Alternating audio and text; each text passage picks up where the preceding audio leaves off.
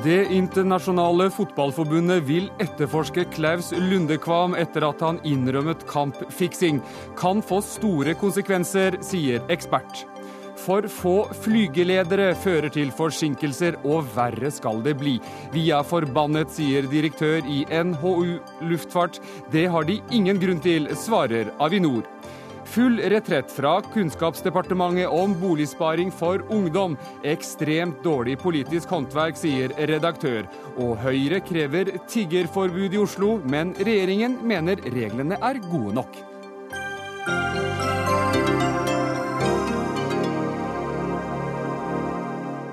Velkommen til eh, Dagsnytt 18. Eh, Jeg heter eh, Erik Aasheim. For noen minutter siden så ble det kjent at det internasjonale fotballforbundet Fifa har bestemt seg for å etterforske den tidligere toppspilleren Klaus Lundekvams uttalelser om utbredt kampfiksing blant Premier League-spillere. Mandag så innrømmet Lundekvam her i Dagsnytt 18 at han hadde spilt på egne kamper. Her er det han sa det jeg har uttalt meg om, at eh, jeg vet om spillere både her i Norge og vært med på det sjøl i England. Og, og manipulere eh, f.eks. første innkast, første frispark, eh, første gule kort. Eh, eventuelt sånne ting da, i, i løpet av kampen. Som, som, vi enkelt kan spille på. og eh, manipulere sjøl eh, som kaptein, og bli enig med motstanderens kaptein på eventuelt første innkast, som eh, var egentlig lettkjente penger for oss. Eh, jeg er ikke stolt over det, men det, det, det var tilfellet, og det innrømmer jeg at jeg har vært med på i en, i en periode i England. Ja, Andreas Seljås, du er tidligere spesialrådgiver i, Norges idrettsforbund og ekspert på kampfiksing. Hvordan reagerer du, du på at Fifa nå har sagt at de vil starte etterforsking av Klaus Lundekvam? Jeg syns det er bra at de setter i gang tiltak når de får høre om konkrete tilfeller. Eh, samtidig så illustrerer det litt av problemet med kampfiksing, fordi man er avhengig av at folk plaprer. Mm. Og i dette tilfellet er det jo en spiller som har lagt opp. Eh, Eh, men eh, selvfølgelig, det er jo bra at de etterforsker dette her. Mm, hvilke konsekvenser kan granskingen få for eh, Lundekvam? Det er jeg litt usikker på, men jeg har fulgt med litt i, i, engelske medier. Eh, altså For Lundekvam veit jeg ikke hva konsekvensene blir, men det kan jo få konsekvenser for de han spilte sammen med, som fortsatt spiller. Mm. Eh, I engelske medier nå så, så, snakker man om at Klaus Lundekvam har innrømmet spotfiksing. Mm. Og spotfiksing er knytter de fleste til cricket. Den største matchfiksingsskandalen i Storbritannia de siste årene har jo vært i cricket mm. og, og, i spotfiksing. Så hvis de spillerne som har vært med på dette her, eh, blir tatt for det, eh, så kan de få strenge straffer og utestengt på livstid. Du, du bruker ordet spotfiksing. Altså, hva, hva, er forskjellen på spotfiksing og kampfiksing? Eh, jeg, tidligere så har jeg kritisert eh, begrepet kampfiksing. For mm. det, i Norge så bruker vi det om nesten alt som er gærent. Eh, men i England så opererer man med tre forskjellige begreper eh, når det gjelder kampfiksing. Det er matchfiksing, altså det vi har oversatt. Mm. Og så er det spotfiksing, som det Klaus Lundekvam har innrømmet. Det er at du manipulerer hendene hendelser i en kamp. Mm.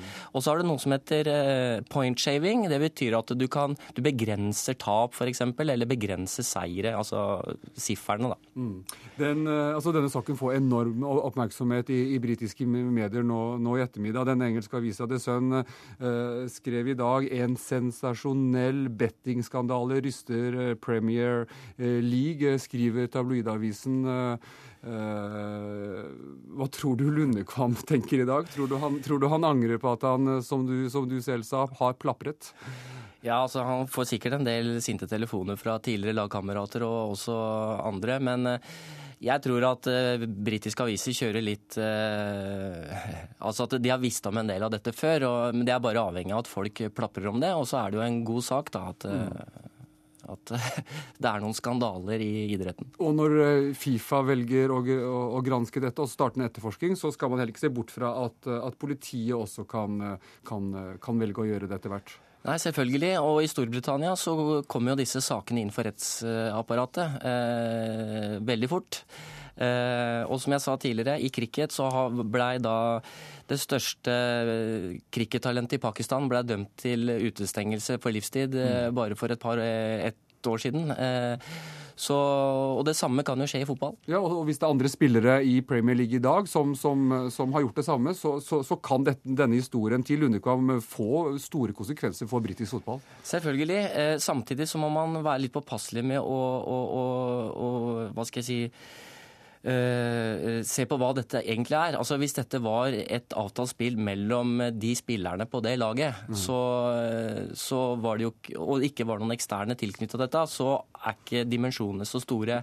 Men hvis det kommer fram at man har hatt tilknytning til spillmafiaer og syndikater i og utenfor Storbritannia, mm. så blir dette veldig stort. Og da får det konsekvenser ikke bare for fotballspillerne, men også for Fotballforbundet og Premier League osv. Og, og Klaus Lundekvam innrømmet altså her i Dagsnytt 18 på mandag at han hadde uh, drevet med, med kampfiksing av, av, denne type, og, og, var ikke stolt av det han hadde gjort. Uh, vi har ikke lykkes å komme i kontakt med, med Klaus Lundekvam nå, nå, i ettermiddag her i Dagsnytt 18, men takk for at du kom hit, Andreas Seljås, uh, som er ekspert på nettopp kampfiksing.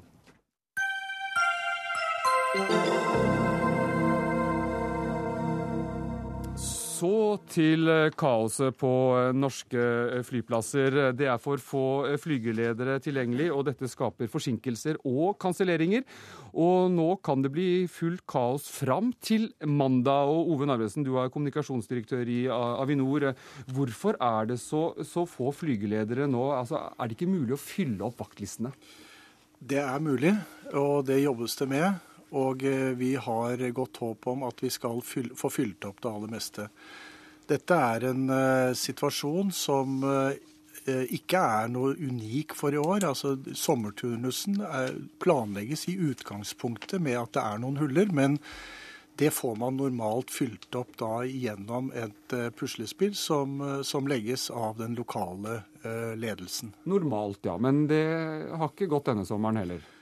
Nei, altså i, i, Vi har dessverre fått en del forsinkelser i år. Vi har ikke fått fylt opp alle de vaktene vi gjerne skulle ha fylt opp. Men det jobbes det nå intenst med å få gjort. Men du har, du, du har jo også sagt at dere aldri har hatt så mange flygeledere som nå. Eh, hvorfor er de ikke på jobb? Eh, vi har eh, en sårbar situasjon i tårnet på Gardermoen. Det er en realitet. Og vi har også en underbemanning på kontrollsentralen i Røyken.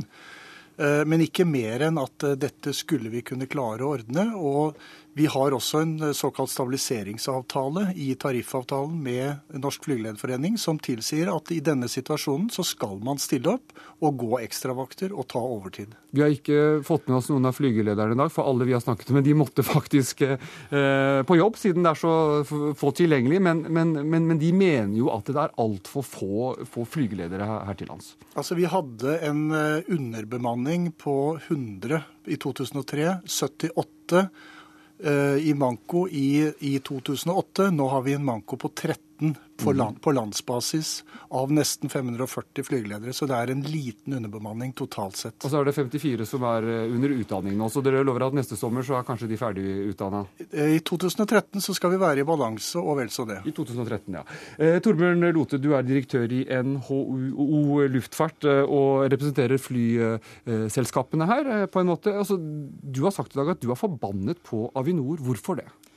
Ja, vi mener jo en sånn situasjon som det her er helt uakseptabelt. Eh, flyselskaper betaler faktisk 1,6 milliarder kroner i året for de tjenestene Avinor her skal tilby. Eh, når det ikke fungerer, eh, så er det ikke riktig å betale så mye penger, men vi får ingen refusjon i det hele tatt. I tillegg så er det jo flyselskaper som får alle problemer, i tillegg til de reisende selvfølgelig, som blir lidende nok en gang når, når vi har manko på, på flygeledere. Hva er løsningen på dette, da? Nei, Det er jo både en kortsiktig og et langsiktig perspektiv på det. Kortsiktig mener vi at Avinor må snuse rundt og gjøre om på vaktlister. Hente inn folk eh, som er på ferie, omdisponere folk fra andre områder. Eh, I det hele tatt gjøre de tiltakene som gjør at det er nok folk på jobb. Eh, litt mer langsiktig så kan man diskutere løsninger som innebærer at tjenesten blir mindre sårbar. Vi kan ikke ha det sånn lenger nå, med en så sårbar virksomhet og en monopolvirksomhet og en gruppe som eh, gjør tilpasninger som gjør at eh, den tjenesten ikke fungerer. Så det er monopol, eh, at det at Avinor har, har monopol, så dere også er kritiske til? Dere vil ha dette ut på, på, på konkurranse?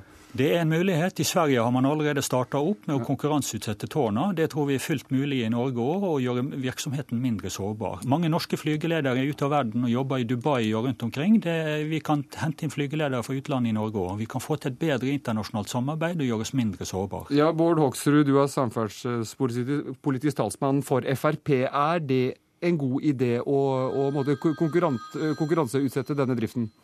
Ja, jeg tror absolutt at vi bør se på å konkurranseutsette den drifta her. Og vi vet at konkurranseutsetting det fungerer veldig bra. Eh, men det viktige her er jo det som er tragisk her, og helt uakseptabelt, at dette rammer helt eh, tilfeldige passasjerer som skulle reist på ferie, og som blir eh, helt ramma fordi at Avinor og ikke minst den rød-grønne regjeringa dette er ikke noe nytt problem, dette er et problem som vi har hatt i mange år. Eh, men den rød-grønne regjeringa har nå hatt syv år, og Senterpartiet har hatt statsråden i syv år. Og vi opplever fortsatt de samme problemene. De har hatt lang tid til å kunne gjøre noe med dette.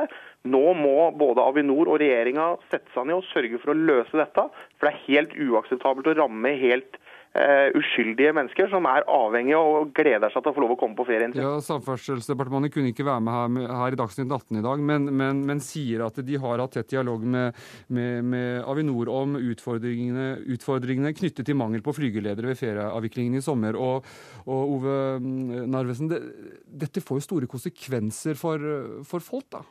Det er helt klart, og det er vi også like opptatt av. Og vi er, har stor medfølelse for de som blir rammet av dette her. Både den enkelte passasjer, familie som skal på ferie, flyselskapene og også private flyplasser som blir rammet av dette her.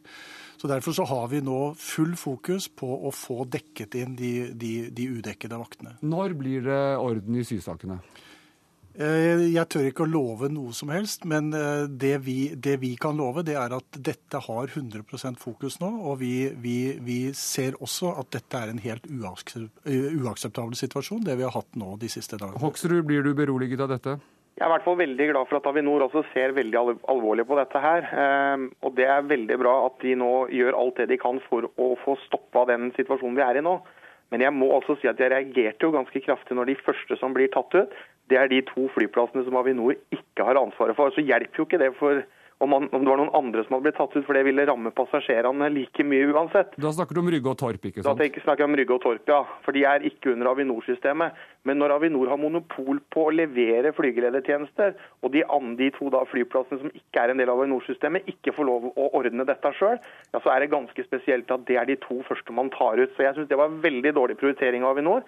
Eh, og jeg håper nå at Avinor gjør alt som står i sin makt og at de er i tett dialog med samferdselsministeren, som er generalforsamling i selskapet, og at hun som samferdselsminister sørger for at vi ikke opplever dette også til neste sommer, og at det nå blir stoppa, sånn at vi ikke får fortsettelse på dette utover sommeren. Da sier vi takk til deg, Bård Hoksrud i transport- og kommunikasjonskomiteen på Stortinget for Frp, og til Ove Narvesen, kommunikasjonsdirektør i Avinor, og til Torbjørn Lote, direktør i NHO Luftfart.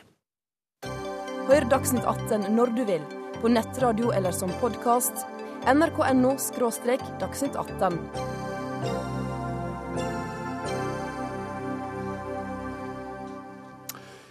Vi skal til dagens eh, politiske føljetong om boligsparing for eh, ungdom. Regjeringen hadde vedtatt nye regler for Lånekassen eh, som ville straffe studenter som jobber og sparer i BSU. I dag tidlig sa statssekretæren i Kunnskapsdepartementet dette. Du, dette forslaget har vært drøfta og behandla i Stortinget. Vi har hatt eh, høring på det, og dette er et forslag som har hatt stor enighet. Ingen politiske partier på Stortinget har vært eh, uenige, og det kom heller ingen merknader i høringa, verken fra studentorganisasjonene eller andre. Ja, det var i dag tidlig, det. Men nå har Kunnskapsdepartementet altså besluttet å holde BSU-renteinntektene utenfor Lånekassens beregning av, av, av, kapital. Nå smiler og nikker du litt, som du nesten er litt stolt over denne retretten dere har gjort, statssekretær Elisabeth Dale fra SV. Hva var det som skjedde? Det som eh, har skjedd, er at vi har eh, bestemt en eh, forskriftsendring som har vært viktig for å likebehandle studenter. Det handler om en likebehandling for å få gjort om lån til stipend, som likebehandler studenter om den inntekten kommer ifra arbeidsinntekt, trygdeytelser eller kapitalinntekt. Mm. Det har vært en forskjellsbehandling. Det betyr at har du jobba i kassen på Rimi og tjent mer enn 145 000 400 kroner, så har du fått en avkortning av stipendet. Mm. Eh, mens har du stort eh, aksjeutbytte, så får du ikke den samme, så har du fått eh, fullt stipend. Eh, dette har vært urimelig, og derfor viktig å få gjort den endringa.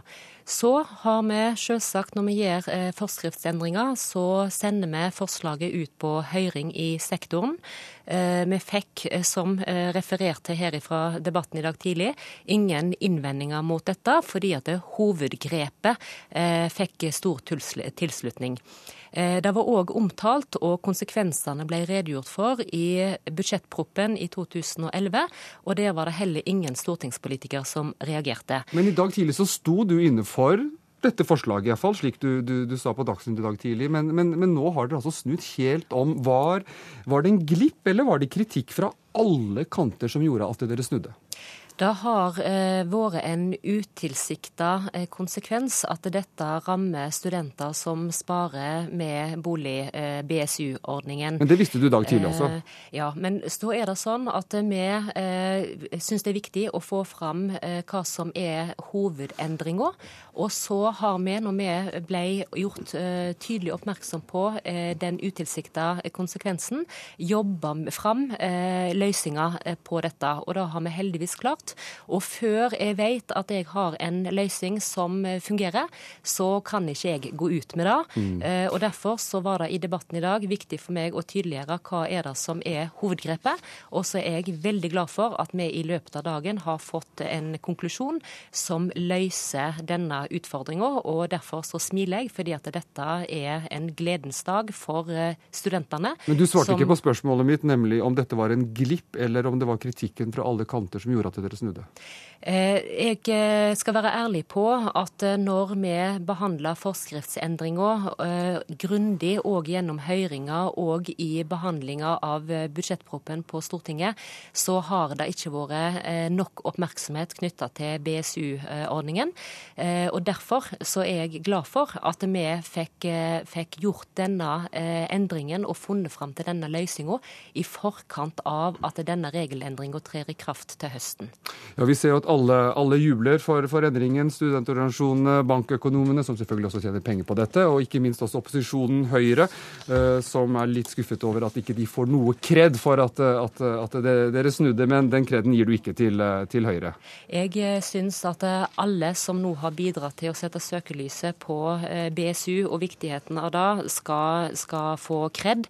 Og at vi sammen har funnet løsninger på dette, er det som er det viktigste nå. Takk til deg, statssekretær Elisabeth Dale fra SV og Kaja Storvik, sjefredaktør i Dagsavisen. Hvordan vil, hvordan vil, du karakterisere dette som har skjedd her, eh, rent politisk?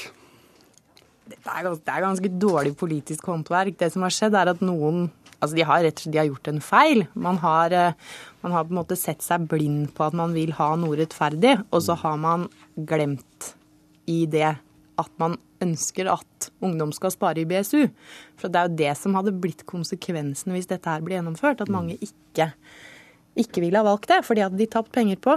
Eh, og det, det, hadde vært, det, hadde ikke vært, heldig. Og det er jo det er ikke så ofte et departement klarer å snu seg rundt og trekke tilbake en forskrift eh, i løpet av én dag midt i sommerferien.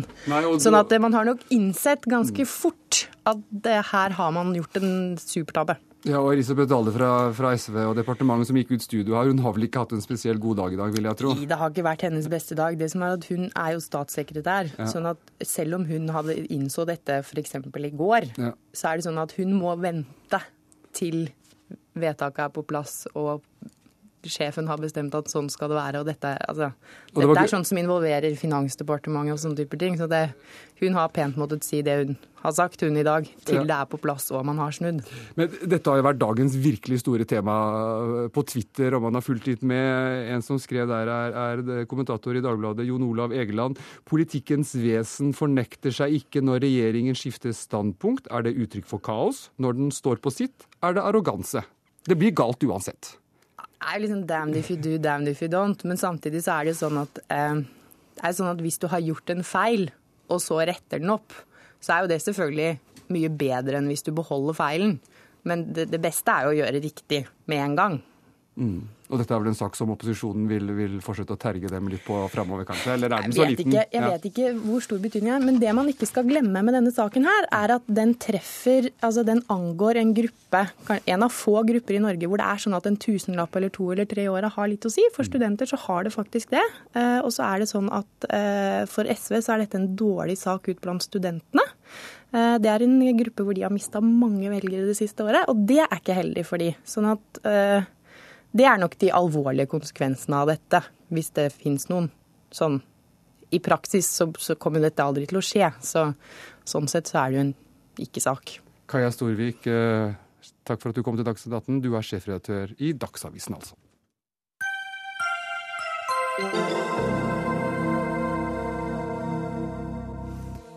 Så skal vi tilbake til situasjonen for romfolket i hovedstaden, mens gruppen på rundt 150 som søkte tilflukt utenfor Sofienberg kirke, nå må belage seg på å, å etter hvert pakke sammen soveposer og telt. Så styrkes kravet om et tiggerforbud i, i Oslo. Olemic Thommessen, du er stortingsrepresentant for Høyre.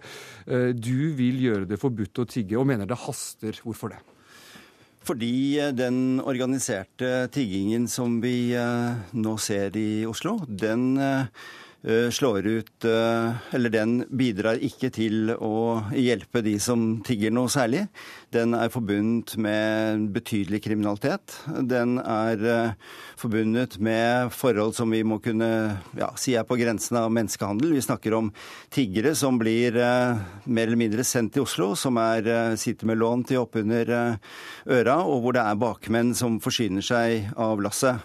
Um, og um, vi vet også at i disse miljøene det disse miljøene kobler seg også opp til annen type skal vi si småkriminalitet. Men det er klart at vi, når vi begynner å snakke om Eller når vi ser på statistikken f.eks. på lommetyverier, som er i drastisk økning, og på småtyverier, ja, så danner dette et helhetsbilde som handler om å kriminalisere, eller kriminalisering av et helt uh, bymiljø. Og det er alvorlig, og det gjør at vi nok må se på dette med andre øyne. Også fordi vi har ikke veldig gode hjemler. Altså, det finnes ikke så mye juss som hjelper oss i å bekjempe til, dette. Vi skal komme tilbake til, til, til jussen her etter hvert, Thommessen. Men hvis ikke de får tigge, da, da blir de jo kanskje tvunget til å, til å, til å gjøre enda mer kriminelt? Ja, og For det første så er det jo ikke sikkert at det blir så attraktivt å, å komme hit. Mm. For det andre så um, kan det være at det fins andre ting å gjøre enn å tigge. Det er viktig at vi får fart i de hjelpetiltakene som et felles Europa jobber med. Det jobbes i mange europeiske land. EU har en klar strategi for dette. Norge bruker betydelige midler i Romania. Altså Her er det spørsmål om alternative løsninger. Ingvild, uh, Ingvild Stakkevold Reibert, du er bystyrerepresentant for SV i Oslo. Og, og, og du mener et forbud mot tygging ikke er veien å gå. Hvorfor det?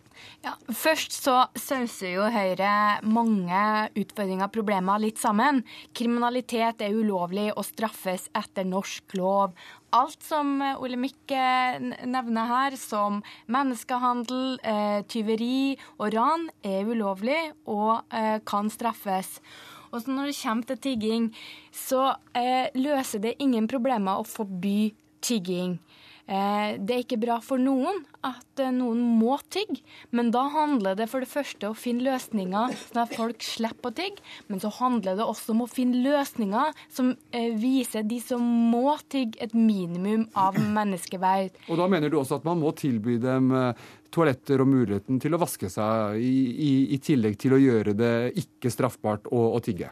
Ja, SV har foreslått i bystyret at Oslo kommune skal tilby bostedsløse eh, et lavterskeltilbud. En enkel seng, en madrass å sove på, et sted man kan gå på do, et sted man kan dusje, et sted man kan eh, vaske klærne sine. Det handler om å dekke grunnleggende menneskebehov, menneskerettigheter. Det er noe EU oppfordrer alle storbyer i Europa å gjøre, og det er noe også Trondheim gjør. Så her handler det om å vise nestekjærlighet, om å vise solidaritet. Og jeg er ganske overraska over at så mange partier i Oslo bystyre var uenig i det. Venstre var mot det. Hvor er deres solidaritet? KrF, hvor var deres nestekjærlighet? Her handler det altså om å se på mennesker og være med og hjelpe folk ut av en vanskelig situasjon. Når, når det Høyre vi har med her, og der Høyre er eh, også en av de som styrer Oslo eh, kommune, Olemic uh, Thommessen, hva, hva, hva svarer du her? Nei, Jeg syns det er viktig at man ikke gjør eh, nestekjærlighet til symbolpolitikk. fordi eh, da hjelper man faktisk ikke dem det gjelder. Det å holde det å opprettholde en struktur som hvor folk baserer sin inntekt på tigging og på en vanskelig sosial situasjon, det er bare å si, feste de rammene eh, som ligger i dette. Og da hjelper det ikke å velte seg i selvtilfredshet eh, rundt eh, et nestekjærlighetsbudskap. Da må man altså gå inn i hva som er de praktiske tingene. Og dette er i, til de grader en praktisk utfordring. Oslo har ca. 2000, eh, tror man, eller iallfall et betydelig antall eh, romfolk eh, boende i Oslo, til forskjell fra Trondheims ca. 30. Eh, skal man opp med den infrastrukturen som SV foreslår, så er det en ganske stor oppgave å få til. I tillegg så er det, jo, jeg har lyst til å si at I tillegg til det så er det jo sånn at Oslo kommune gjør faktisk ganske mye for denne gruppen. Det er jo, eh, Man sørger jo for mat når det trengs. Man sørger jo for at man eh, ikke fryser i hjel om vinteren. Det er overnattingsmuligheter på vinterstid. Altså Man sørger for de basale behovene som man er forpliktet til i henhold til eh, Schengen-avtalen, som, som, beskriver dette. Da slipper det være veldig kort. Ja, altså Dette handler om et fattigdomsproblem. Det er fattige mennesker som ofte ikke har noe alternativ enn til å tigge. Og det å forby å ta fra deres eneste mulighet til å få noe penger, det, det, løser ingen problemer. Og det er ikke sånn at de som tigger og må tigge i dag, blir noe mindre fattig dersom vi forbyr dem muligheten eh, å tigge. Og så vil jeg bare si én ting. For det handler om verdier. Det handler om, om nestekjærlighet. Vi kan ikke ha et samfunn der vi forbyr folk og ber om hjelp. Det er folk som trenger hjelp, og da kan ikke vi ha et regelverk som nekter folk å be om hjelp. Det er noen grunnleggende verdier som vi må ha i vårt samfunn. Og Ole Mik Thommessen, du, du, ønsker at politiet, eller be politiet om hjelp. Du ønsker at politiet skal få, få mer fullmakt til, til, til, til, å gripe inn og, og, og måtte øh, bidra til at man, man, ikke har tiggere her. Hva ber du Justisdepartementet om å gjøre nå? Nei, altså, i, Hvis man ser på rompolitikken, da, romfolkpolitikken, så syns jeg regjeringen på mange måter gjør mye bra i det. Det finnes en veldig bra handlingsplan i forhold til, eh, til rombefolkningen som er norsk, altså de ca. 700 som, som, er i Norge.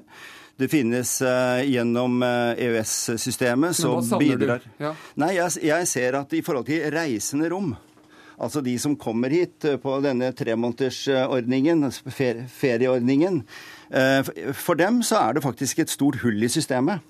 Det er ikke noe, er, vi har dårlige hjemler. Vi har ikke noe egentlig politikk for hvordan vi forholder oss til det. Og Det syns jeg er viktig. For sånn som denne saken står nå i Oslo-situasjonen, så blir, blir, det sånn at kommunen blir stående litt alene med et problem som i virkeligheten er et europeisk problem, og som er et stort stat, et, burde være et statlig ansvar. Astrid hullet eh, da. Da skal vi høre med staten her, representert med ved Astrid Aas Hansen, du er statssekretær i Justisdepartementet. Trenger politiet flere hjemler for å kunne hanske hanskes med dette problemet?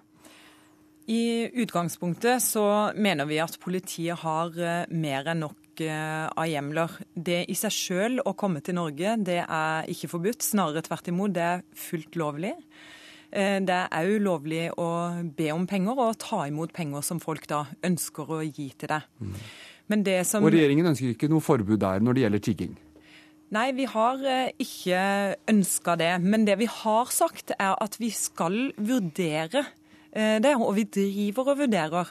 Men eh, det som jeg da gjerne skulle hatt Thommessen til å fortelle meg, det er hvordan han vil definere tigging. Altså hvor går grensene for hva som er tigging? For det er, eh, hvis en ser bort ifra det verdimessige her, men, men, går på det rent lovtekniske, så er det vanskelig eh, å avgrense eh, tigging. Eh, og særlig i de tilfellene hvor eh, jeg spør om jeg kan få 20 kroner, og han sier det er greit. Skal du da som politi komme og straffe meg for at jeg da har spurt og tatt imot penger.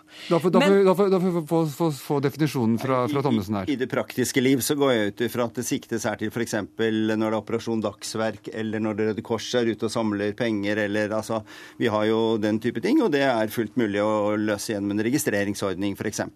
I Bergen har man hatt en registreringsordning for, eh, for tigging. Den har fungert eh, litt så der, passe. Kunne det vært løsningen løsning i Oslo også? Det går, å, det går, an å, finne praktiske løsninger på dette. Ja. Vi vet alle alle hva det er vi vil til livs. Vi vet alle hvordan hva det er han er sagt vi, vi, ønsker å oppnå, og det må kunne gå an å, å sortere i. Astrid Aaslandsen, da fikk du definisjonen. Eh, ja, men jeg tror nok ikke det er så enkelt. For eh, det betyr kanskje at hvis du da eh, ber om penger til noen andre enn deg sjøl, så er det greit. Og det er jo fort gjort å omgå. Eller hvis jeg spør om du vil kjøpe en rose og betale 20 kroner for den, og kanskje ikke beholde rosa. Sånn at, men, men dette skal vi vurdere. Vi skal se på om det er mulig. Når det gjelder det som han tar opp med meldeplikt eller en registreringsordning, det er jeg veldig enig i at det er en god løsning. Da får du en oversikt over de personene det gjelder og politiet har en mulighet for bl.a. å sjekke om EØS-regelverket som krever at du skal kunne eh, fremvise identifikasjonspapir eller pass, at det faktisk overholdes. Eh, Elida Høeg, du er journalist og har bodd med rumenere i Oslo i en uke for å lage reportasje for magasinet eh, Plott. Og du har sagt at du er flau over Oslo-folket. Hvorfor det? Det er fordi at jeg opplevde en behandling som jeg syns var ganske nedverdigende og dårlig. Og bare det at jeg hadde på meg klær og så litt ut som disse menneskene, gjorde at, eh, at folk forholdt seg veldig annerledes til meg, da. Hvordan opplevde du dette, Høk? Eh, nei, det er enten er det total ignorering. Du kan spørre folk eh, om helt vanlige ting, og de går rett forbi deg. Eh, eller så er det f.eks. at du blir nekta på en butikk fordi den plutselig er stengt, selv om alle andre får lov til å komme inn. Eh, og når jeg da begynner å snakke norsk, så blir de litt forvirra og vet ikke helt eh, hva de skal gjøre. Eh, ellers så er det jo vektere som forteller hvor du skal gå, politi. ja. Det er ganske mange som, eh, som, har, eh, som har sitt å si om hvor du skal oppholde deg. Da. Det får du ikke bestemme selv. Og det er mange som, som tigger. Er, det hovedgeskjeften til de fleste? Er, det, er ditt inntrykk det? Eh, nei, egentlig ikke. Eh, det paret som jeg fulgte, de holdt på mest med å samle flasker. Så vi tigga litt. Eh, men ellers så var det å gå i søppelkasser og se etter flasker som man kunne pante. Mm. Du har hørt politikerne her nå, eh, Elida Høek. Er dette en debatt som, som, eh, rumenerne får med seg? At, at, deres situasjon her i Oslo nå diskuteres liksom på, på, på regjeringsnivå? De får jo med seg at eh, folk har veldig mange meninger om dem, i hvert fall. Og de er veldig glad i å tulle med at de f.eks. ikke spiser hund osv. Eh, men, eh, men de, er, de er jo redde for å bli kasta ut, det, det, er klart. Og det er det mange som går og tenker på og bekymrer seg for. Mm, og, og, hvis de blir kastet ut, hva, hva, er alternativet for dem? Altså, har du fått noen følelse? Hvor, hvor drar de da? Hjem, eller? Da er de jo tilbake til Romania, da, ja. hvor de fleste kommer fra. Hvor de sier at de har en vanskelig situasjon og ikke har jobb til mat på bordet. Mm. Hvordan tror du at et, et tiggeforbud vil kunne påvirke livene til de, til de menneskene som du var sammen med? Nei, jeg opplevde jo allerede ganske mye omgang med politiet. Og ja, dette er jo folk som er i en ganske sårbar utsatt situasjon. Og hvis de skulle begynne å bli arrestert på gata, så tror jeg ikke det hadde vært så veldig hyggelig for dem. Ja, Olemic eh, Thommessen i Høyre, når du hører dette her, så altså, de er jo en skvis, da, disse menneskene? Ja, ja, de er en kjempeskvis, og det er jo det som er den store felles europeiske utfordringen i forhold til de tolv millionene menneskene vi snakker om, det er jo å greie å få en, en, utvikling rundt dem som gjør at eh, de eh, ikke behøver å skamme seg for den kulturen de kommer fra. Alle bør kunne være stolt av det utgangspunktet de kommer fra. Det blir man ikke hvis man ikke har utdannelse, hvis man er henvist til å tigge, hvis man er henvist til rennesten i alle sammenhenger, hva det betyr. Og det betyr at det å ikke ville gjøre noe med den rammebetingelsen, det holder denne gruppen nede over tid. Det er ikke å hjelpe dem. Det er tvert imot å underbygge den strukturen som gjør at de lever som de gjør. Eh, og det, det tror jeg vi gjør dem en bjørnetjeneste med. Astrid Aas Hansen. Ja, Det er jeg veldig enig i. Eh, samtidig så eh, syns jeg det er rart at man automatisk kombinerer det med et lovforbud. Fordi, sånn som Elida nå forteller, så er det jo ikke tigging som er det de driver med nå. Sånn at et tiggeforbud vil man fort da kunne unngå og omgå ved f.eks. å eh, samle flasker eller gjøre andre ting. Men, men hva at gjør det vi? Et hva vil dere ja, gjøre? At det er en stor utfordring med 2000 eh, personer med rombakgrunn som er i Oslo, som ikke har noe sted å bo, altså som kamperer i parker eller nå utenfor ei kirke. Det er et felles ansvar for oss alle. De som begår kriminelle handlinger, de som ikke følger norske regler, de må en slå ned på. Men de andre de har faktisk rett til å være her. Astrid Aas Hansen, statssekretær i Justisdepartementet, fikk siste ord i denne runden. Takk til deg, Olemic Thommessen, stortingsrepresentant for Høyre, og til Ingvild Reimert fra SV i Oslo, og til eh, journalist Elida Høek.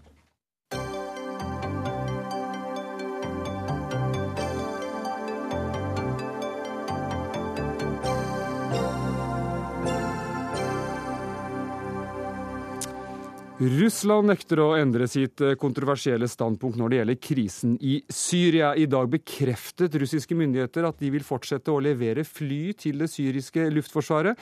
Det kom frem etter at en av lederne for opposisjonsgruppen, det syriske nasjonalrådet, møtte Russlands eh, utenriksminister Sergej Lavrov i Moskva i dag. Og altså fortsatt støtte fra Russland til president eh, Bashar al-Assad. Og Moskva-korrespondent Hans-Wilhelm Steinfeld, hvordan begrunner den russiske utenriksministeren Russlands syn? For det første er Russland bundet av løpende kontrakter med president Assads regime i Syria. Russland har en marinebase i byen i, i, i en av byene på kysten der som heter Tartus. Og Dessuten så sa Lavrov i dag til de syriske eh, representantene som har snakket med, at eh, Russland aksepterer ikke en løsning i Syria der utgangspunktet for en overgangsprosess skal være at Assad skal gå. Russland insisterer på at Russland ikke spesielt støtter Assad. Russland støtter fempunktsplanen til Kofi Annan. Men dette er en bekreftelse på et russisk syn som har vært der hele tiden, også under forrige president Dmitrij Medvedev. Hvordan reagerte den syriske opposisjonen på Russlands fortsatt støtte til Assad?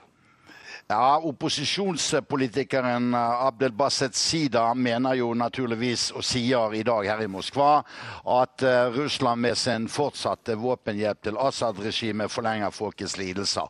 Russerne svarer til dette at den syriske opposisjonen er et problem fordi den ikke er samlet, og det er vanskelig å se at noen enkelt gruppe kan snakke på vegne av opposisjonen. Og endelig sier russerne at de er imot en løsning i Syria som skal påføres landet av utenlandske makter. Mm. Dette er de facto å minne om at Russland mente Nato-landene med USA i spissen misbrukte FN-mandatet i Libya i fjor til å bli del av en borgerkrig, og derfor har Russland satt foten ned sammen med Kina i spørsmålet om Syria. For et par dager siden Hans Wilhelm Steinfeld, så, så, så kom det meldinger om at Russland ville slutte å selge våpen til Syria, mens i dag så kommer det signaler om at de vil opprettholde våpenleveransene. Hvordan skal vi tolke dette?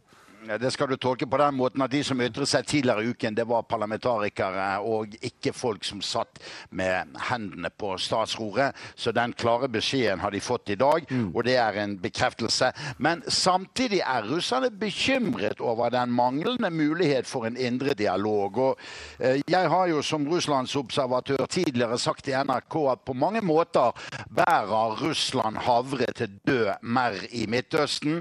På den annen side så ser russerne et agenda øst for Syria, nemlig Iran. Og eh, dette er Russlands bakgård. Dette området kalles historisk for den bløte buk under det russiske imperium. Og russerne har sine egne interesser i stabilitet. Russerne er som Vesten redd for islamsk fundamentalisme. Og fremholder at Assad-regimet er ikke så isolert i Syria. Var også Utenriksdepartementets fremtredende Midtøsten-spesialist Hans-Wilhelm Longva flere ganger har sagt her i NRK. Han har for øvrig også vært ambassadør i Damaskus. Hans-Wilhelm Steinfeld direkte med oss fra Moskva her i Dagsnytt 18.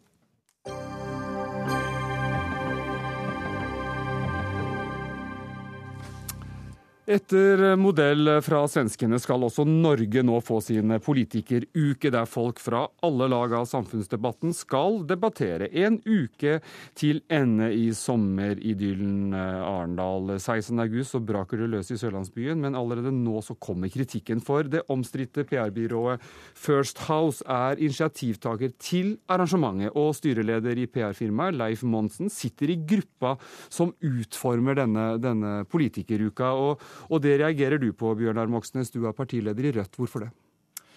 Jeg syns at Arendalsuka eh, er en god idé, og jeg tror det kan bli et eh, bra, viktig arrangement. Men det jeg reagerer på og er skeptisk til, er jo at, eh, at First House sin styreleder er én av tre som bestemmer programmet for, for Arendalsuka. Det er en person som opererer med hemmelige kundelister, som har som jobb å påvirke beslutningstakere på vegne av pengesterke næringslivsaktører. Og han får i hvert fall to muligheter som arrangør. Det første er å bestemme hvem som får, får delta. Der kan bygge ut sitt eget nettverk blant politikere og sentrale næringslivsaktører. Det andre er jo å bestemme og påvirke dagsorden for den offentlige debatten. Og Der syns jeg er merkelig at, at, en aktør som First House sin styreleder er en av eh, tre som dermed arrangerer Arendalsuka. Og Styrelederen i First House er ikke med her i denne runden i Dagsnytt 18, for han har bedt deg komme, Stein Gauslo. Du er redaktør i Agderposten, og du er en av den som står bak uh, dette prosjektet da, som styreleder i Arendalsuka. Og burde dere ha unngått slike kontroverser og ikke, ikke tatt med dere First House-toppen uh, i arbeidsgruppa? Jeg tror uh, Moxnes overdriver uh, First House' rolle i dette. Vi er en større gruppe mennesker enn oss tre fra ulike miljøer som har funnet hverandre rett og slett i et felles ønske om å skape en arena for åpen samfunnsdebatt. Øystein Djupedal, som er fylkesmann, uh, er en annen. Han hadde ideen også. Og liksom Leif Monsen hadde ideen, og jeg førte jo disse sammen, og er selv blitt et midtpunkt i dette. Vi er alle tre bosatt i eh, Arendal og mener at byen har gode forutsetninger for å skape den arenaen vi ønsker. Vi har også trukket med fylkespartiene. De har igjen selvfølgelig kontakter inn i, eh, inn i de eh, sentrale partiene. Og vi ser gjerne at de politiske partiene etter hvert overtar. Fylkespartiene har i en referansegruppe vært med på å påvirke programmet. Arendalsuka er åpen for alle, det skal ikke koste noen å delta. Alt skjer i full mm. åpenhet med medier på plass, og vi har selv ingen kommersielle interesser i det. Vi gjør det rett og slett på dugnad fordi at vi syns det er moro med politisk debatt. Men kan det ikke være Stein Gauslå, en uheldig kobling at en lobbyist legger grunnlaget for det som skal være eh, sitat, en arena for åpen og konstruktiv samfunnsdebatt, som det heter da på hjemmesiden deres? Han opptrer, eh, Leif Monsen opptrer som arendalitt i denne sammenheng, og ikke uh, som styreleder i First House. Bjørn Moxnes, uh, du, du, altså, det, er sånn, det, det virker sånn at alle, alle lobbyister, uh, når jeg hører deg, ikke skal få lov til å delta i samfunnsdebatten? Jo, for all del. Og de deltar vel som de bare kan. Men det er vel naivt, syns jeg, å tro at det er vanntette skott eh, mellom First House styreleder Monsen og Arendalsuke-arrangør Monsen. Det er jo litt eh, merkelig, syns jeg, at en person som, eh, som altså har som jobb å prøve å påvirke politiske beslutninger på vegne av hemmelige kunder Men Arendalsuka så skjer alt i full åpenhet, hører vi Gauslo si her. Ja, arrangementet er i, i full åpenhet. Mm. Men de som bestemmer over programmet, er etter hva jeg har skjønt i all hovedsak de tre personene, altså Djupedal, eh, Gauslå og Monsen i Sverige. Så er det sånn at partiene er de som faktisk arrangerer Almedalsvekkan. Eh, det burde kanskje også eh, skje i Norge, at det er partiene som, eh, som bidrar. Og at da kommunen, fylket, Aust-Agder kan være de som koordinerer. I Sverige er det Gotlandsregionen som koordinerer arrangementet. Men altså ikke noe PR-byrå som er inne og som påvirker og bestemmer programmet på, på den svenske Almedalsvekkan. Poenget, poenget vårt var å få dette i gang. Og da trakk vi på de gode krefter vi kunne trekke på for å få satt det i gang. Som jeg sa tidligere, og som jeg også diskuterte med Moxnes eh, forleden dag, da vi snakket på telefonen om dette, det var at eh, vi eh, har trukket med de politiske partiene i en referansegruppe. Vi har hatt som bestemt forutsetning at de selv skal legge opp sidearrangementer. Arbeiderpartiet skal ha en 125-årsmarkering siden partiet ble stiftet her i byen i 1887. Høyre legger sitt sentralstyremøte hit. Ungdomspartiene skal ha en felles leir på Hove leirsenter. Altså Det skjer en masse rundt det som eh, partiene, de politiske partiene allerede har tatt grep om. Og vårt, eh, vårt, ønske for all del er at eh, de politiske partiene skal overta mer og mer av arrangementet, slik at vi kan i og for seg trekke oss ut, eller, eller, eller bare være med på å tilrettelegge ting. Noen må starte ingen... det hele, altså. Harald Nissen, du sitter i Oslo bystyre for Miljøpartiet De Grønne. Hva syns du om kritikken som, som Bjørnar Moxnes kommer med her? Akkurat her så syns jeg vel den blir litt eh, konspiratorisk. Eh, jeg mener jo at eh, det her er i utgangspunktet en veldig god idé, som også Moxnes er enig i. Og det her er jo ikke noe nytt. Det er flere som har prøvd det her. Eidsvoll 2014 har jo prøvd å få til noe lignende på Eidsvoll et par år, men vel ikke helt å lykkes. Og Høyre i Trondheim tok også initiativet for noe lignende for et par år siden. Så det her er noe som har ligget i tida. Og at nå First House er med som en av mange parter, det ja vel. Eh, de er en, eh, de er en samfunnsaktør. Her opptrer de jo faktisk eh, åpent. Og Det er jo også en ting som vil være interessant å diskutere i et sånt, under en sånn uke. Jeg har ikke vært på Almelandsveka sjøl, men søsterpartiet til Miljøpartiet Grønne er jo en aktør her. Og jeg, jeg ønsker det velkommen, selv om det er først og fremst det er ungdomspartiet vårt som bare er blitt bedt med den gangen her. da. Og Det er vel litt som for både for Rødt og for De Grønne. Vi er jo de to største partiene utenfor Stortinget. og Det kunne vært greit å kanskje fått med noen litt alternative stemmer. Men jeg velger å se positivt på det, og så får vi se hvordan det går. Og Hvis man ikke får til det politiske verkstedet, så tror jeg det vil komme til å dø hen som de andre prosjektene. Eh, men dette, vi, vi, må bare høre, vi må bare få Moxnes reaksjon på at dette er litt, eh, litt eh, konspiratorisk. Ja, Det er vel en litt for lettvint avfeiing. Vi må kunne diskutere interessekonflikter som kan oppstå i og med at et PR-byrå er tungt inne på arrangørsida. Hvis det var sånn at det var et eh, problem i Norge at PR-bransjen fikk stadig mindre eh, påvirkningskraft over politikken, så hadde jeg sier nå vært ganske irrelevant. Men det er omvendt. De får en stadig økende, eh, økende makt over norsk politikk. Mm. Og Da er det viktig å diskutere også mulige interessekonflikter mellom oppgaven som First House-styreleder og oppgaven som Arendalsuke-arrangør. Det er altså den svenske Almedalsvekkan som er inspirasjonskilden for Arendalsuka. Og Kjell Pilstrøm, du er NRKs mann i Sverige og, og, og, og du, du, du, du, har dekket denne, denne uken for NRK. Aller først, hvordan er det det hele foregår? Ja, Det hele foregår uh, på den måten at uh, alle som har lyst til å vise seg fram og fremme sine meninger uh, på Almedalsuka, melder seg på til Region Gotland, som er altså kommunen her på Gotland, som koordinerer det hele. Og så har man veldig klare kriterier for hvem som kan delta. Det skal være et samfunnsspørsmål under debatt og diskusjon og samtale. Det skal være kostnadsfritt for alle deltakere. Og eh, Det er altså ikke kommersielt. Eh, ingen skal tjene direkte penger på å selge ting. Men det er klart at næringslivet er inne eh, med 18 av eh, arrangementene med sine budskaper. Men fortsatt, til tross for at det nå er over 1800 programposter over åtte dager, et imponerende tall og ganske skremmende kanskje, så er politikken i sentrum fordi det er de politiske partiene og partilederne som eh, har hver sin dag, og som pådrar seg den største mediale interessen. Og Det var altså sosialdemokraten Olof Palme som, som satte i gang dette allerede i 1968. Eh, hva slags status har dette arrangementet i Sverige i dag? Har, De kaller seg selv med stolthet Sveriges største demokratiske møteplass. og Det er vanskelig å motsi dem på akkurat det. Det er på mange måter et utrolig imponerende arrangement. Det syder av samfunnsdebatt, det syder av en diskusjon. Og, eh, og så, så, pådrar det selvfølgelig eh, veldig mye skal vi si, kjendiseri det er tabloide utskudd her med, eh, med ekstranumre eh, hos de største tabloidene om hvem som møter hvem bak kulissene i Almedalen, og hvem som mingler med hvem osv. Eh, det blir gjerne sånn. Dette arrangementet pådrar seg eh, alt mulig som fluepapir, men fortsatt så står altså en veldig bred og sterk politisk og samfunnsmessig debatt i fokus. Så Det er ganske imponerende å oppleve dette. Bjørnar Moxnes, ja. Mm, vi må bare gå videre her. Takk til deg, Kjell Pilstrøm. Bjørnar Moxnes, dere er jo ikke invitert til den store partilederdebatten i Arendalsuka. Er dette bare litt bitterhet fra, fra din side? Jeg, jeg, tror ikke det. Eh, men eh, jeg mener at Rødt eh, står for en del standpunkter som det ville vært interessant å ha hatt med i debatten. Men sett fra et First House-standpunkt så er vi helt irrelevante. Altså, takk å skulle mingle med oss, det er null poeng for næringslivet. Takk til deg, Bjørnar Moxnes, leder i Rødt. Og takk til deg, Stein Gauslå, styreleder i Arendalsuka.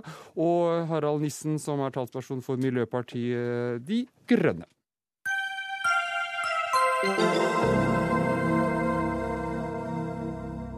Så skal vi spørre om hva det skal til for å føle seg norsk her i Dagsnytt 18. Er det nok å følge norske lover, ta med matpakke på jobben og, og hylle velferdsstaten? Norsk institutt for forskning om oppvekst, velferd og aldring har akkurat kommet med en, med en rapport om unge mennesker og identitet. Og NOVA-forsker Kai Gjerustad, du er en av dem som står bak denne rapporten. Og dere har funnet ut at om lag halvparten av Oslos ungdommer med innvandrerforeldre ikke ikke føler seg, Norge, eh, føler seg norske. Hvordan har dere kommet fram til disse resultatene? En større studie da, hvor vi har eh, spurt eh, halvparten av alle Oslo-ungdommer født i 1992. vi har spurt om masse ting, da, men vi har bl.a. spurt om, om, de føler seg norske. Ja, det spørsmålet har jo da bare gått til de til ungdommer med innvandrerbakgrunn. Ca. 600 ungdommer. Mm. Og, Vi har spurt om de, om, de, om, de, om de, tenker på seg selv som norske, om de tenker på seg selv som eh, utenlandske, eller om de tenker på seg selv som begge deler. Så alt dette har de tatt stilling til. Og det er altså eh, Over halvparten så, så opplever de at de altså ikke føler seg eh, norske. Er du overrasket over, over dette funnet? Ja, det, det var, jeg, jeg, jeg, må si det, Mellom 40 og 60% sier det ikke stemmer at de ser på seg selv som norske, bare så vi har tallene riktige. Ja, ja. ja det, det, er vanskelig å si. Altså, på, én en side så er det jo et uh, høyt tall. Uh, fordi man bør tenke her på at ungdommene som har inngått i undersøkelsen, først og fremst det vi kaller an, andregenerasjons innvandrere. Altså at de, de, er født i Norge med utenlandske fødte foreldre. Så, så, man kunne jo liksom tenke seg at de følte seg norske. Men samtidig så er det jo altså Hvis du er født inn i en utenlandsk familie du snakker kanskje et annet språk i tillegg til norsk. Eh, så, ja, så er det ikke så rart at du føler deg utenlandsk heller. Så det er vanskelig å si om tallene er overraskende. Eh, det finnes noen tidligere studier på, på dette her, og, og, det ser ut som om trenden går mot at flere og flere sier at de føler seg norske, da. Linda Al-Sagari, du er leder i minoritetstenketanken eh, Minotek. Eh, hva tenker du om disse tallene som vi hørte forskerne snakke om her? Eh, når det blir oppblåst sånn som det blir i media og på forsiden av Aftenposten, så ser det veldig dramatisk ut. og ja. Og mange vil kanskje trekke konklusjoner at det handler om at de ikke vil føle seg norske, men det sier vel eh, rapporten ganske lite om. Hva bakgrunnen er. Det er et merkelig spørsmål å stille, egentlig. fordi det er en veldig kunstig måte å se på identitet og tilhørighet på. At man er enten-eller. Eh, mange ville nok eh, ha nyansert og sagt at de føler seg både norske og pakistanske, eller norske og muslimske, eller norske og arabiske. ikke sant? Det er det er, en, det er, i vår tid, eh, i globalisert tid, så har man tilhørighet til mange forskjellige identiteter. Er det et problem? Nei, det trenger absolutt ikke å være et problem. Selvfølgelig er det viktig at man, eh, hvis man har lyst til å føle seg norsk, at det er viktig å føle seg norsk, så er det viktig at man får muligheten til det. Eh, fordi jeg har snakket med en del i dag, og jeg har spurt mange av mine venner som har, eh, har, har foreldre som kommer fra ikke-vestlige land. Og de sier at de føler nesten at det er litt sånn frekt av dem å si at de er norske. Mm. Fordi at eh, de, blir, de, føler ikke at de blir sett på som norske. De vil, men de har veldig lyst til å være norske, da, fordi de syns at det ville være fint å være norsk. Mina Adampour, du er leder i organisasjonen Ungdom mot rasisme, og du kom til Norge som ettåring fra, fra Iran. Føler du deg norsk? Eh, jeg har jo flere ganger sagt og skrevet at jeg ikke føler meg norsk, selv om jeg gjerne heller skulle kunne svart ja på det spørsmålet. Um, og grunnen til det er vel at det er et voldsomt fokus på innvandrere i mediene. Uh, det er også et spesielt språk som brukes om innvandrere i mediene. Altså du Enten så er du innvandrer, eller så er du førstegenerasjons, eller så er du andregenerasjons osv. Mm. Uh, og det, dette er på en måte helt uh, ukjent hvis man ser til uh, Amerika. Så ville det vært latterlig om noen hadde kalt deg Hey, yes, so I see that you're a first generation immigrant, og så mm. henvendt seg til barn og sagt at And then you're the second generation, yes. Mm. Um, og der har vi jo no noe å lære. I Norge så ville jeg hatt noe å si da i forhold til hvordan mediene velger å fremstille visse grupper av minoriteter i landet. Altså Aftenposten velger jo selv å lage artikler og forsider med 'se en pakistaner på sykkel som trolig har et norsk statsborgerskap', eller eh, ja, andre eksempler som Søndre Nordstrand, som er den første bydelen med over 50% innvandrere. På veien hit så snakket jeg med en drosjesjåfør som het Hussein Mousaver, og han var fra Søndre Nordstrand av alle steder, og sa at han følte seg heller ikke norsk pga. medienes ensidige bombastisk fokus på at disse ikke er norske. Men du, sier, men, men du, du, du startet med å si at du gjerne selv skulle svart ja på dette spørsmålet, at, at du var norsk. Hvorfor skulle du ønske at du kunne ha svart ja?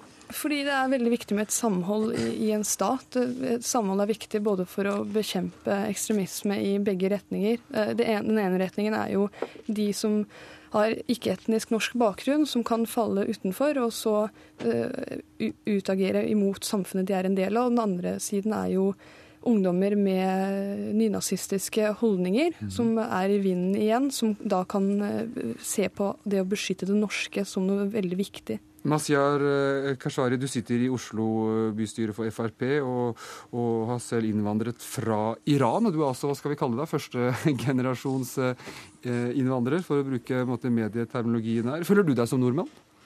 Jeg føler meg, jeg er nok i den kategorien som er både og.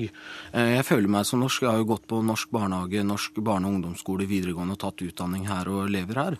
Men jeg ser ikke på dette som veldig dramatisk. Dersom eh, halvparten av ungdommene hadde svart at de ikke føler tilhørighet til Norge, de ikke føler seg ønsket, de føler seg diskriminert, de føler seg trakassert eh, eller på noe annet negativt, da hadde jeg vært eh, bekymret. Men det med identitet, det med følelser, emosjoner eller kjærlighetsliv for den saks skyld, altså den type spørsmål, det er jo ikke enkle ting å definere som enten-eller, og det er ikke nødvendigvis noe negativt heller. Jeg selv vet at eh, yndlingsmaten min er eh, iransk. Eh, musikken jeg hører på er i stor grad iransk. Men jeg har utdanna meg her. Jeg er folkevalgt i landets hovedstad. Jeg betaler min skatt og mine regninger og forsøker så godt jeg kan å være en nyttig og god borger. Og, og hva jeg da føler litt tilknytning til begge delene, det føler ikke jeg er det viktigste. Jeg hadde blitt bekymret hvis ungdommen hadde jeg følt at de ikke hadde hatt en tilknytning, eller ikke hadde hatt en tilhørighet, da hadde jeg vært mer bekymret enn at de kanskje føler seg eh, litt både pakistansk, iransk og norsk, og at det, det blander seg. Ja, Nova-forsker Nova-forsker Kai Gjerustad, det, det, sier ikke din undersøkelse noe om, bare, bare for å ha det klar, klargjort? Nei, nei, det gjør vi ikke. Så, så, jeg er åpen for at vi kan eh, liksom svare på dette, hva det betyr. Det, det, det, kan vi tolke litt, altså. Det er helt klart. Mm. Eh, vær så god. Jeg, jeg, vil jo si at det er særdeles viktig. Helst så vil jeg jo ha kunnet komme unna med å si at jeg anser meg selv for å være en kosmopolit, og at vi er verdensborgere alle sammen. Men realiteten er jo nå den gang eh, slik at vi har grenser, og vi har befolkninger innad i ulike land. Og når, eh, som Linda Asakari påpeker, man lever i en globalisert tidsalder, så er det veldig viktig å kunne forenes om noe. Og, og 17. mai er et ekstremt godt tiltak.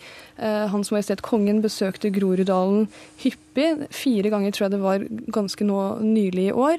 Men avisene velger da å eh, lage artikkel på artikkel hvor de fremlegger at eh, hans Majestet Kongen har besøkt innvandrerungdom. Det er jo norsk i ungdom han har besøkt, ikke innvandrerungdom primært. Men jeg tror dette skyldes i, i Oslo, i og med at det er snakk om Oslo-ungdom, også litt om det praktiske. Altså Hvis man er f.eks. barn og unge og går på Hval skole eller eh, på Gran skole i Furuset, der det knapt nok finnes et eneste annet norsk eh, barn, eh, hvordan definerer man da det norske, og hvordan kan man da føle seg norsk? Altså Det er noe med at bosetningsmønstrene og sånn Søndre Nordstrand ble nevnt her òg. Altså det er jo enkelte skoler skoler i Oslo som er oppe i 90-100% barn eh, av innvandrerherkomst.